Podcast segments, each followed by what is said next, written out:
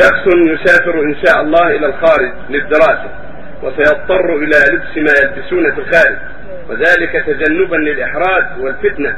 فما رأي سماحتكم في ذلك؟ الواجب عليه لا يتشبه بأعداء الله. أينما كان. ولا ينبغي له أن لا يلبس في الخارج. ينبغي له يلبس في الداخل.